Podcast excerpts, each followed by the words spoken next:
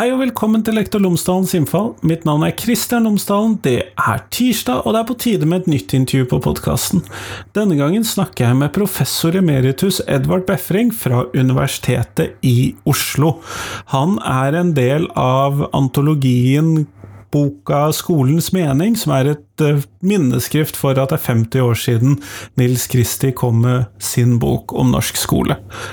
Vi snakker om hva som er liksom de sterke sidene, utfordringene osv. for den norske skolen, og hvordan vi kan gå med skolen fremover. Hva ligger på systemnivå, hva kjennetegner de som får det til, hva kjennetegner de skolene som ikke får det til, hvordan møter vi elevene, hva krever det av lærerne, hvem er de gode lærerne, kan vi si hvem gode lærere i det hele tatt? Jeg snakker med Edvard Befring om alt dette.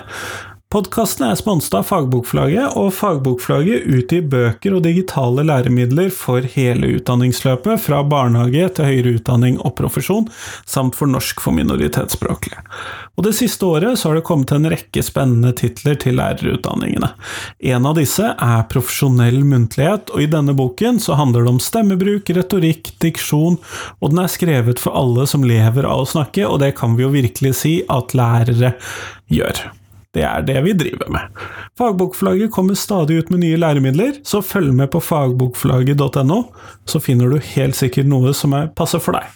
Men nå, nå får du intervju med Edvard, vær så god.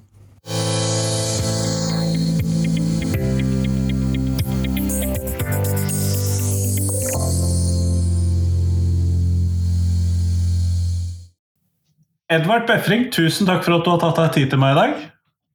Ja, takk skal du ha for å spørre meg. Før vi kommer sånn ordentlig i gang, så hadde jeg håpet at du kunne fortelle lytterne mine tre ting om deg selv, sånn at de kan få bli litt bedre kjent med deg. Ja, det var jo et interessant spørsmål. Eh, jeg tror jeg først vil si at jeg er så heldig at jeg har tre barn og åtte barnebarn. Og det gir meg veldig mye overskudd i, i hverdagslivet, for å si det mildt. Og ellers så um, er jeg så heldig at jeg har um, uh, mange engasjerende interesser. En interesse er jo uh, det faglige, at jeg er uh, fremdeles aktiv ved å skrive bøker og artikler osv. Men ellers så er jo jeg interessert i kunst og idrett jeg er jo en hobbymaler, bl.a. Og eh, der henger nok et bilde rett bak meg, forresten, som, på veggen her. som eh, er et Det er vanskelig for lytterne å se, men eh, jeg ser det i hvert fall. Ja, ja, nettopp. Nei, men Det er ikke stor kunst, men jeg har veldig stor glede av å holde på med form og farger. Og så er jeg idrettsinteressert og følger jo med i det som skjer. Eh, på mange felt. Jeg var jo aktiv idretts, i idretten i min ungdom. Hoppa på ski om vinteren og, og drev med friidrett om sommeren. Så det er vel kanskje de tre tinga jeg kan framheve her. Ja, Kjempeflott, tusen takk. Og så har du jo ikke minst vært eh, professor i spesialpedagogikk, nå professor emeritus. Ja, jeg er jo godkjent som professor emeritus, og det er jo veldig interessant, selv om det er ikke så veldig mange ting jeg arbeider med på universitetet. Jeg har litt veiledning i eh, doktorander som har behov for metodeveiledning. For jeg var opprinnelig realist, og det førte til at jeg ble ganske god i statistikk og eh, forskningsmetode, og har skrevet en del bøker på det feltet. og det det profitterer jeg på eh, nå ved at det er mange som spør. Og det er jo hyggelig å kunne ha litt kontakt med doktorander som driver i forskningsfronten på, i fagområdet.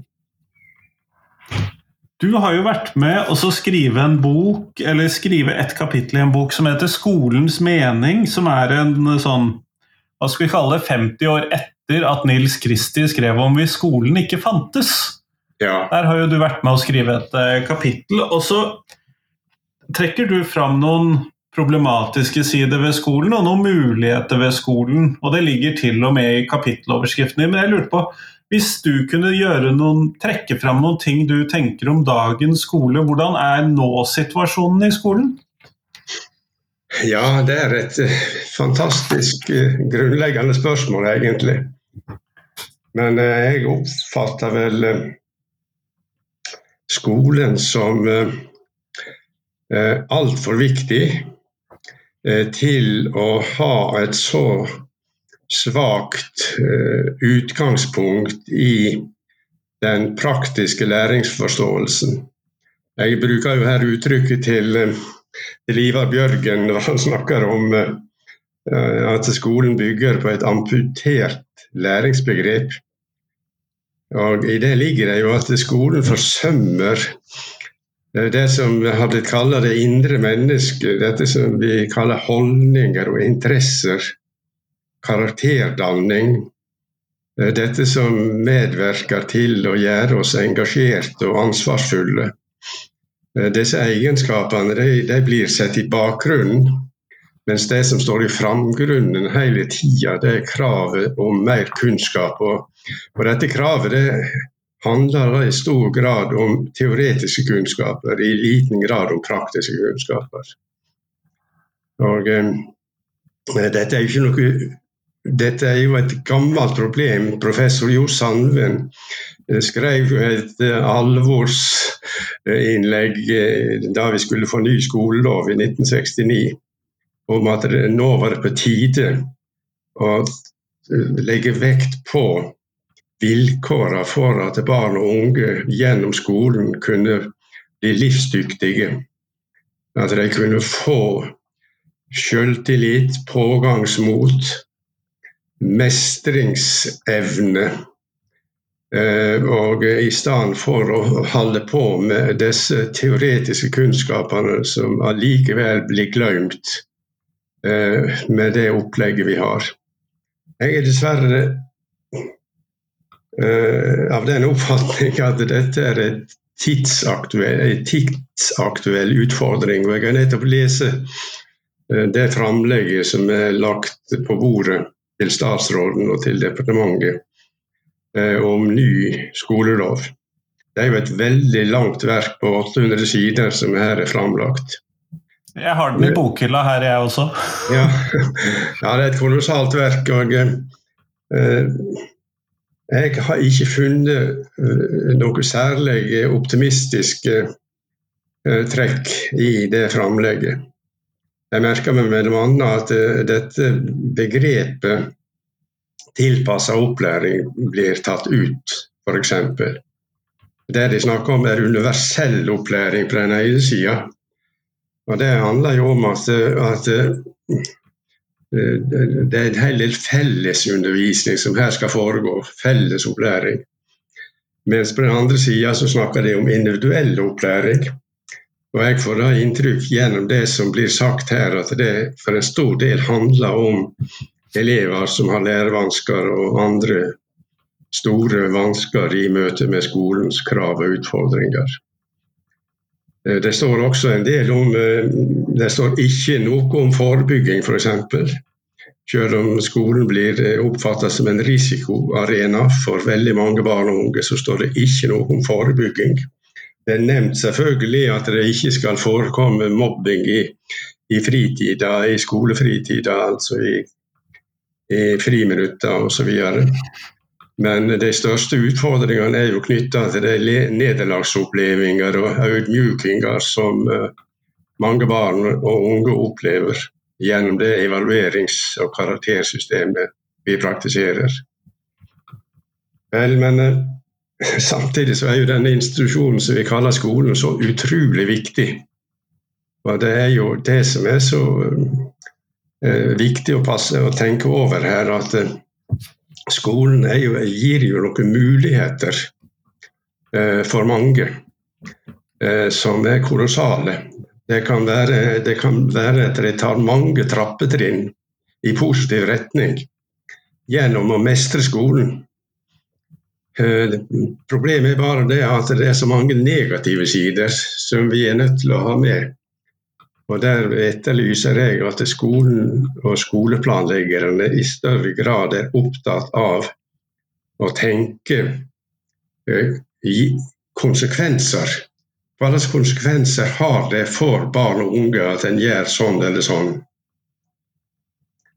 Ja, det var et eh, litt lang uh, utgreiing på det spørsmålet som du stilte. Men det er en dobbeltside her. at På den ene sida har du skolen, som er ei viktig løftestang for mange. Og på den andre sida har du dette at skolen framstår som en risikoarena for altfor mange barn og unge. Og Det er jo de siste barna og ungdommene jeg har fått mest kjennskap til gjennom mitt liv. Eh, jeg starta jo min skolekarriere på Ulsnesøy offentlige skole for barn og ungdom med tilpasningsvansker, som ligger ute utenfor Vaksdal og Bruvik. Og Senere arbeidet jeg med, som fritidsleder på en, en ungdomsinstitusjon i Oslo i regi av Vernelaget. Og Det medførte at jeg fikk høve til å se hva vi kan klare å gjøre for å løfte barn og unge ut av en håpløs situasjon. Ja, Hva som faktisk er mulig? Ja, nettopp. Mulighetsperspektivet. Og hos alle så ligger det en drøm om å lykkes med livet og lykkes med skolen. Og Det var jo det jeg hadde så stor glede av å arbeide med ungdom, der jeg så hvordan mange kunne ha sjanse til å komme inn i livet. Og I Oslo så erfarte jeg jo at dette som vi kalte elementærteknikken i gamle dager, en skole som kunne vare ett eller to år, eh, den var utrolig viktig. For det å komme inn på elementærteknikken og gjennomføre ett år eller to år der, det gav et kjapt sprang inn i arbeidslivet for veldig mange. Men slike skoler som elementærteknikken, korte handelsskoler osv., det er borte.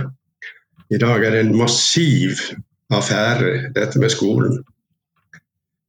Som ikke engang har greid å innpasse folkehøgskolene. Det er en sånn eh, monolitt som starter tidlig og, og holder det gående til langt opp mot voksenalderen. Et maratonløp, som eh, Magne Raundalen har kalt det. Skolen som et maratonløp. Men du har jo nå nevnt dette her med eh, tilpasset opplæring, og du trakk fram det at i det nye opplæringslovsforslaget så er det ute det brukes et annet begrep om dette. Men jeg ser jo allerede i dag så opplever du vel kanskje at denne tilpassede opplæringen ikke gis, da, slik jeg oppfatter deg? Nei, altså de har ikke fått til, de har ikke fått til dette i praksis. Og det er jo fordi at dette med fellesopplæring er så viktig. Blir så viktig når du skal ha 30 elever i et klasserom. Eh, så med én lærer så blir det nokså vanskelig å få det til. Eh, men vi har jo skoler som klarer å få det til. Eh, ved å legge inn eh, individuell opplæring, ved å legge inn vilkårene for å få støtte eh, utenfra. Pensjonerte lektorer f.eks. kan gå inn og, og bidra. Jeg var jo så heldig å være leder av dronning Sonjas skolepris i ti år. og Da opplevde jeg jo litt av kremen av norske skoler og eh, det som imponerte meg mest, var den evna til å finne eh, interessante løsninger som kunne innebære f.eks. å trekke inn pensjonister i opplæringen for å, for å bistå elever med særlige talent, f.eks. Slik at de kunne komme veldig langt i sine, sine en læringsprosess. Eller det kunne være å bistå utviklingshemmede eller innvandrerbarn osv. Noe annet kunne være et tett samarbeid med nærmiljøet. Eh, der elever kunne komme ut i arbeidslivet og få på en måte en ny start på den måten, hvis de er slitne og trøtte av dette monotone eh, livet som eh, ofte preger skolen, skoletilværelsen, å komme ut og være på en arbeidsplass. Jeg snakka senest i sommer med en gutt borte på Vestlandet, i, i Jølster, der jeg har hytte. Eller vi har familiehytte en gutt som var veldig lei av skolen, og så fikk han, fikk han eh, eh, bli utplassert på et bilverksted i nabomiljøet. Og fikk en sånn tenning på det der med å, å være med og reparere biler og motorsykler, traktorer og alt mulig. Og det ga han et engasjement som smitta over på alt livet hans. Slik at eh, nå var han eh, veldig begeistra også for skolen. Samtidig som han selvfølgelig hadde sommerjobb og weekendarbeid på dette bilverkstedet. Så det, dette her med å bruke fantasi i å imøtekomme barns og unges eh, engasjement og læringspotensial, det er helt grunnleggende. Det er den store forsømmelsen i dette politiske skolesystemet som vi har. Ja, det var også en lang utredning om et stort spørsmål. jo, men eh, Og dette her peker jo inn mot et tema som ofte har vært drøftet på podkasten min, og det er jo rett og slett om særlig ungdomsskolen er for teoretisk lagt opp. Eh, ja. Og det ser det ut som det er blitt noe mer politisk gehør for det siste året. Ja, det tror jeg er en rett observasjon. At det er mange som har innsett at vi kan ikke holde fram med denne formalteoretiske opplæringen. Større, det er en, dette er jo en, den deduktive opplæringen som er bygd på at vi skal lære prinsipper. Og så overlater vi til elevene på en måte sjøl å overføre disse prinsippene til det praktiske livet.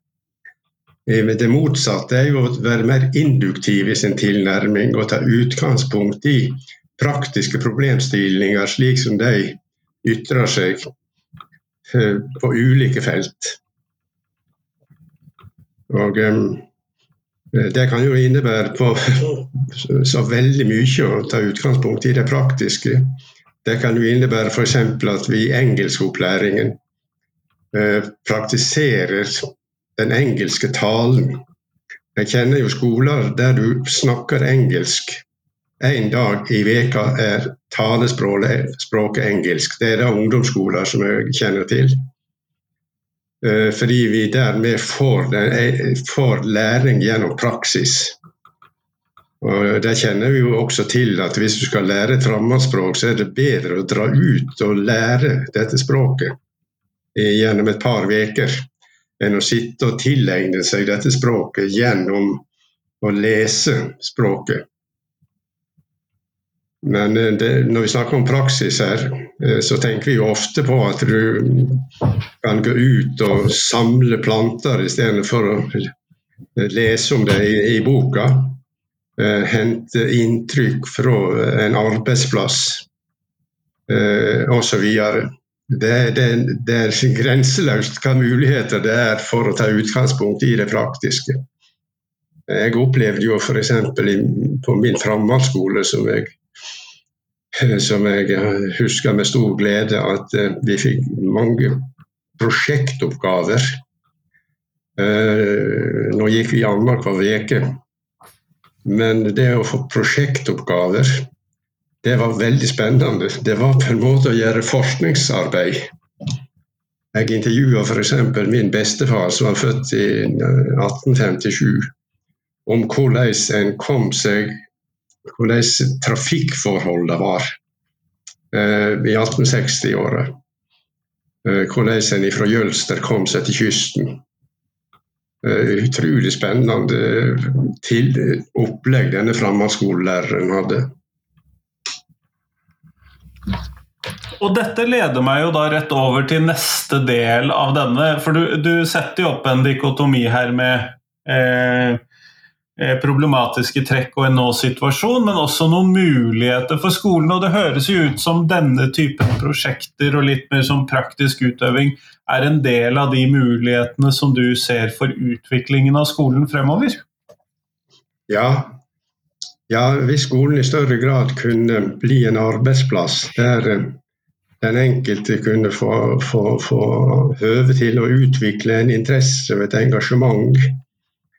Eh, og, og eh, så ville det medføre så mange ting. Det ville jo styrke den enkeltes eh, pågangsmot og livsvilje, om du vil. Og ikke minst selvtillit. Det er jo et interessant trekk for øvrig at i idrettslivet så snakker vi hele tida om selvtillit. Det, nå har Brann f.eks. fått selvtillit, så nå vinner de alle kamper. Spillerne har selvtillit. Mens eh, Sogndal, som nå taper kamper, de mangler selvtillit, blir det sagt. Og eh, Jeg ser det i idrettslivet hele veien at selvtillit er et nøkkelord, mens i skolen hører veldig sjelden om det. Derimot så er det mange som får knekt denne viktige indre ressursen som heter selvtillit.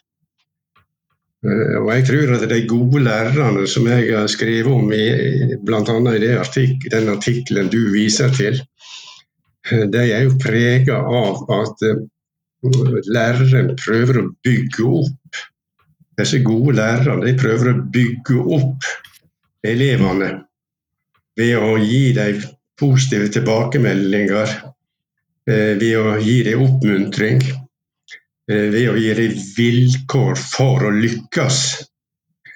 Og Dermed så bygger de opp denne indre ressursen som heter selvtillit. Og jeg vil gjerne legge også til dette med pågangsmot. Eh, at disse indre ressursene de er kolossale, og de blir i dag i altfor liten grad utnytta. Men det er der de gode lærerne framstår som veldig gode eksempel, og som jeg tror er det mest løfterike vi har på veien mot en bedre utdanning og en bedre skole.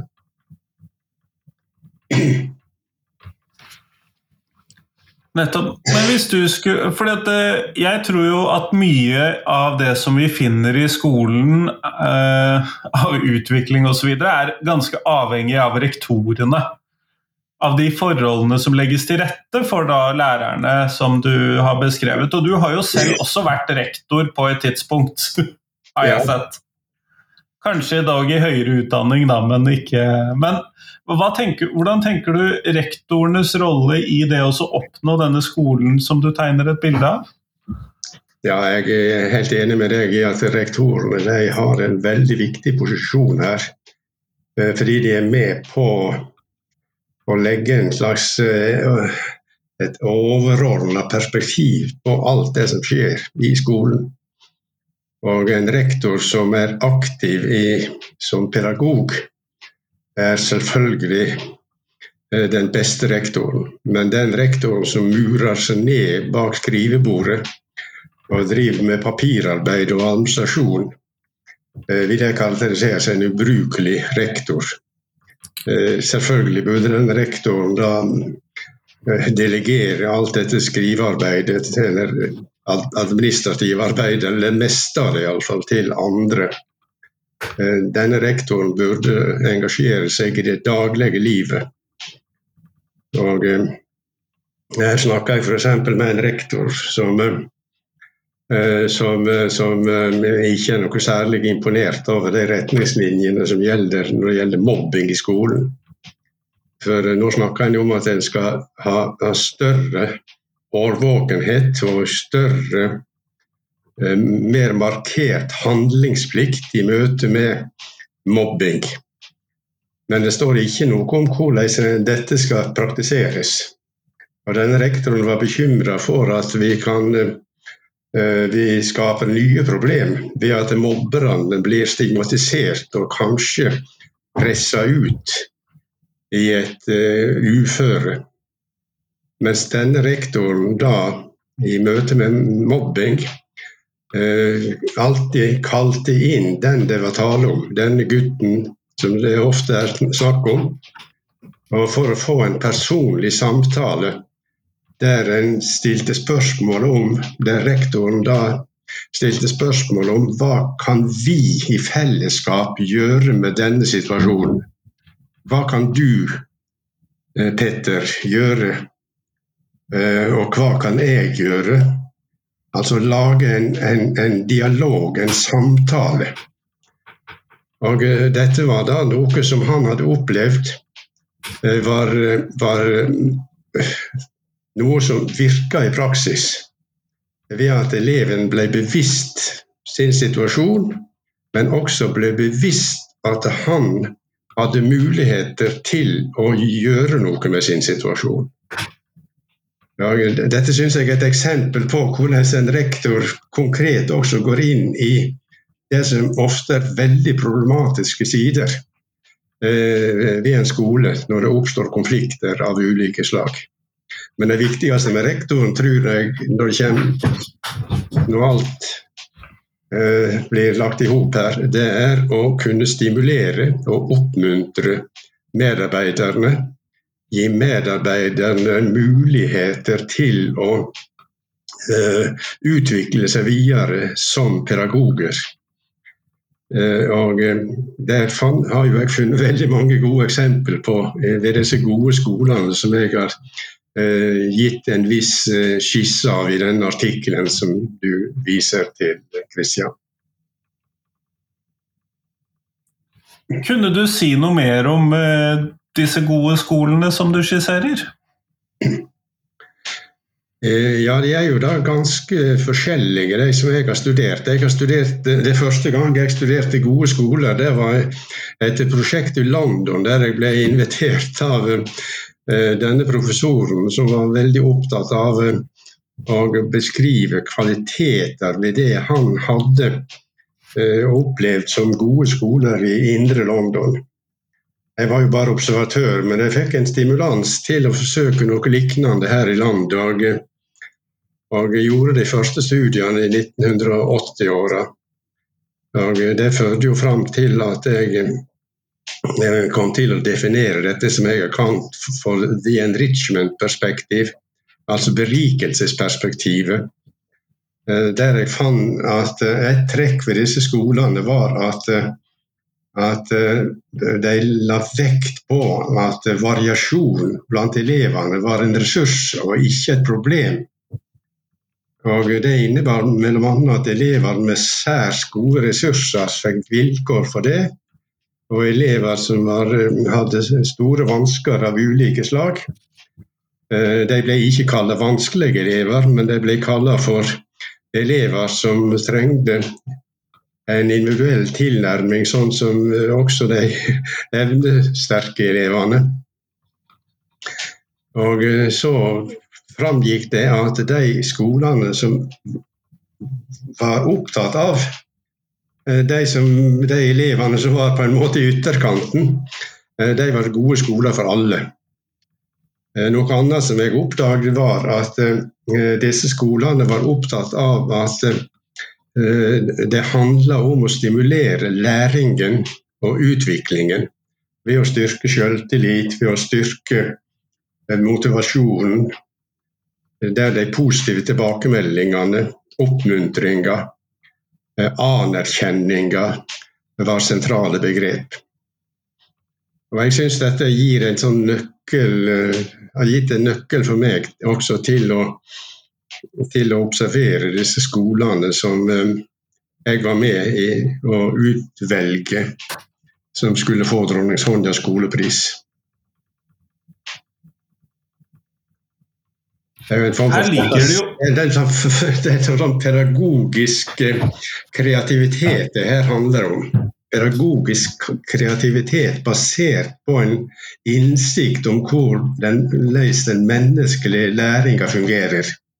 Og at læringen omhandler ikke bare eh, ferdigheter og eh, kunnskaper i tradisjonell forstand, men den handler om sosial læring, det handler om emosjonell læring, og det handler om holdningslæring.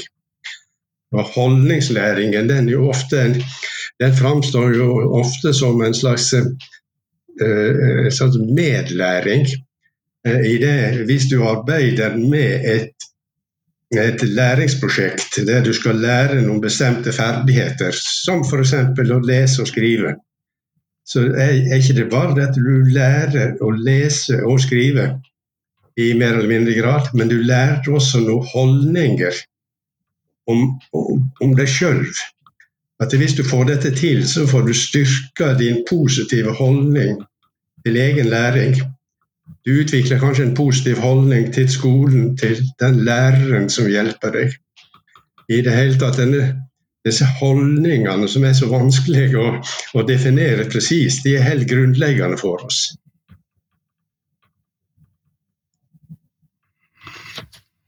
Jeg hører jo at vi, hvis vi skal klare oss å lykkes med dette da, på en mer så generelt plan, og ikke bare i disse enkeltskolene som kan vise denne pedagogiske kreativiteten i sin situasjon, så hører jeg jo en uh, krevende skoleutviklingsfase på nasjonalt nivå, da.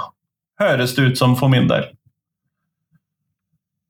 Ja, vi trenger iallfall en helt ny eh, noen nye overordna perspektiv på dette. Eh, jeg nevnte jo dette med mangelen på, på en helhetlig læringsforståelse.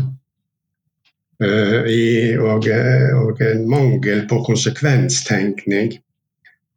Og jeg ble ikke spesielt oppløfta av å lese denne, dette nye utkastet til skolelov. Og jeg misunner ikke den nåværende uh, utdannings- eller kompetanseministeren, kunnskapsministeren heter det vel, Eh, som skal ta fatt i dette her, når det er så lite spenstige råd som blir, blir kjørt fram.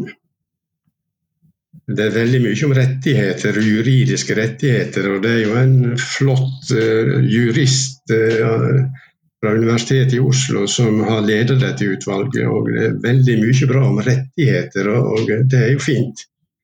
Men, eh, men det, det, det, blir på en måte bare et sånn ytre skall av en skole som framtrår, framtrer. Eh, det er ikke noe, det er ikke noe, sånn, det er ikke noe substans. Eh, noe læringssubstans, noe pedagogisk substans av, av den kvalitet som vi bør forlange. Det blir noe primitivt over det innholdsmessige.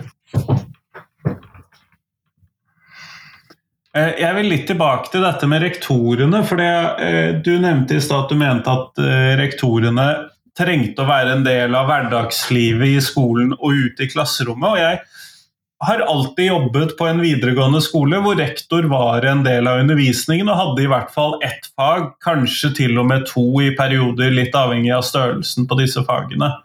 Eh, ja. Men så forsto jeg det at i Bergensskolen, altså i de vanlige skolene i Bergen, siden jeg jobbet på en eh, friskole, så var det ikke vanlig i det hele tatt. Eh, og jeg må jo innrømme at jeg ble litt overrasket over det.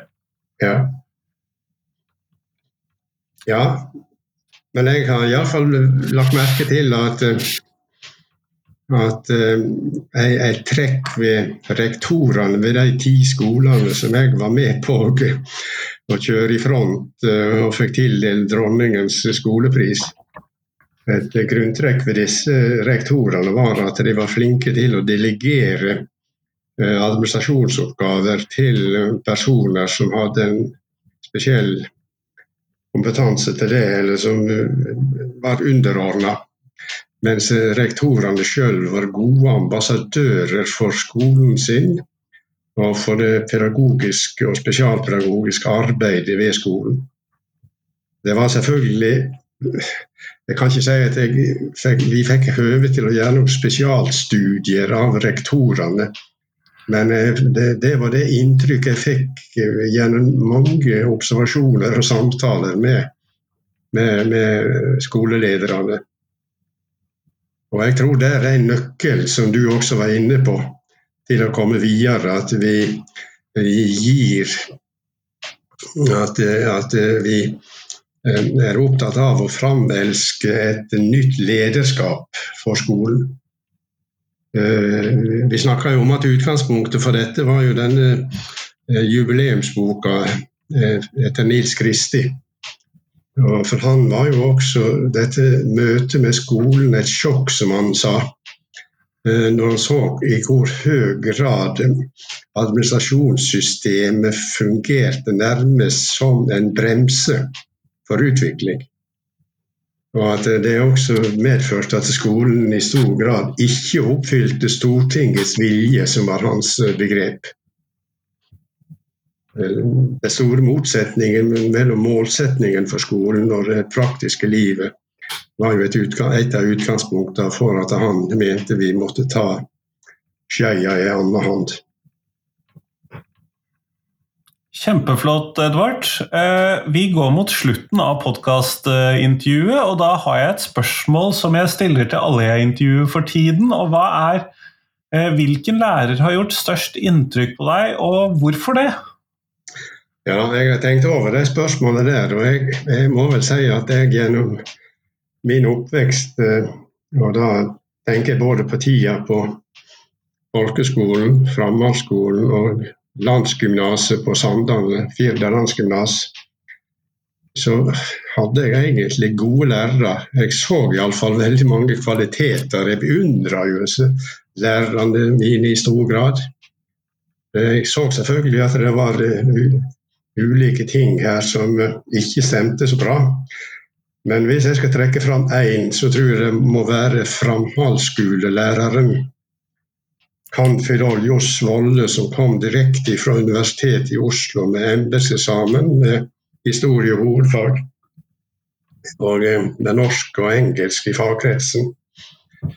Og som gav ga meg eh, en enorm flott tilbakemelding på alle måter. Jeg opplevde en positiv forventning og et han, jeg var jo regnemester, så han brukte jo meg også i, i noen grad som hjelpelærer overfor de andre elever. Og, eh, men iallfall så eh, Det resulterte også i at jeg fikk lære veldig mye om, om dette med prosjektarbeid, fordi vi gikk annenhver uke. Det var framhaldsskole i Stardalen ei uke med 30 elever. Og den andre veka så sykla han til Årdalen i Jølster, der han hadde 30 elever.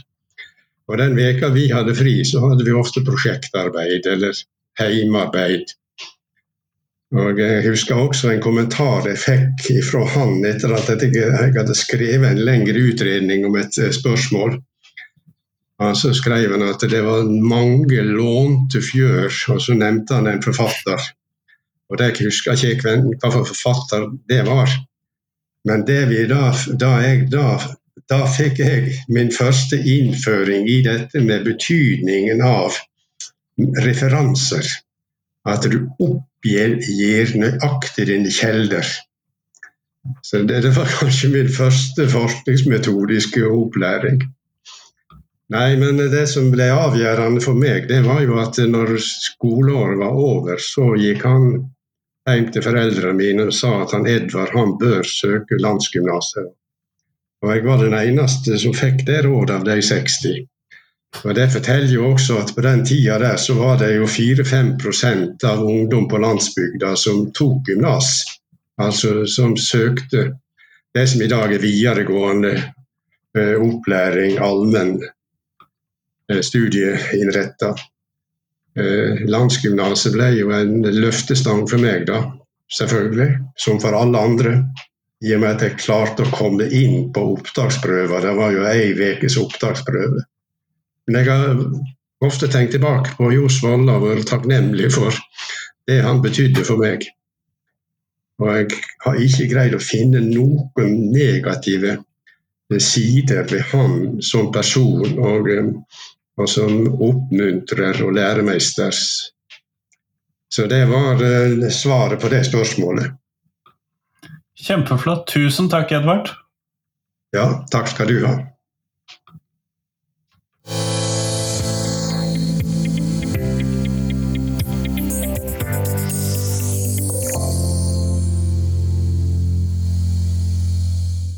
Tusen takk til Edvard, og tusen takk til deg som hører på. Nå er det fram til fredag, så kommer det et nytt intervju på podkasten, og så kommer det selvfølgelig et helt nytt intervju på tirsdag som kommer. Ut desember så fortsetter jeg med to episoder i uken, så vi satser på at dette blir bra, at du setter pris på det. Men jeg hadde håpet at du kunne dele podkasten min med noen som du tror vil sette pris på den, for det er veldig gøy når jeg ser at det er stadig flere som lytter på podkasten. Det gjør meg veldig glad. Kanskje det er en tidligere episode, kanskje det er den episoden, kanskje det er hele podkasten du vil dele, det bestemmer du, men jeg blir i hvert fall veldig glad hvis du deler podkasten min med noen. Og send meg selvfølgelig tips til hva du vil høre om, fordi at det er den måten jeg kan finne ut hva det er som du trenger at jeg lager en episode om. Men nå, nå får du ha en fin uke. Hei, hei!